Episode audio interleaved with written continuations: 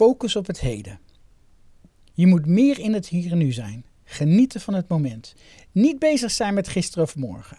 Je richten op wat je op dat moment aan het doen bent, zonder een oordeel te hebben. Je hoort het vaak om je heen.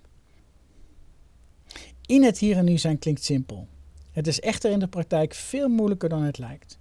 Je verstand of jouw max trekt je immers vaak uit het heden.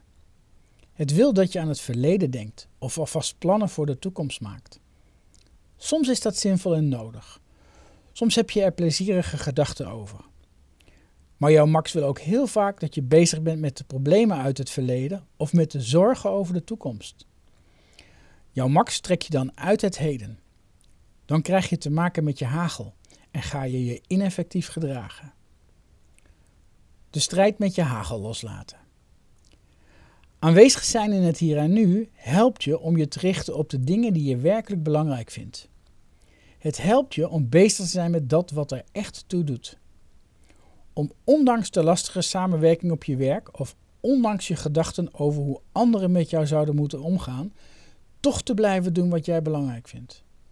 Het maakt je rustiger, meer ontspannen en evenwichtiger. Je krijgt veel meer energie als je minder vecht met je hagel en meer alleen maar aanwezig bent. Als je jouw max wat minder volgt en wat meer je eigen weg kiest. Gedachten en gevoelens van dat moment. Als je in het hier en nu bent, ervaar je alle gedachten en gevoelens van dat moment. De leuke en de vervelende.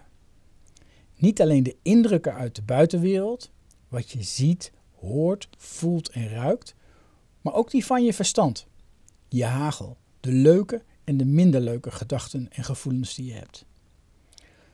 Mindfulness is een methode die je helpt in het hier en nu te zijn.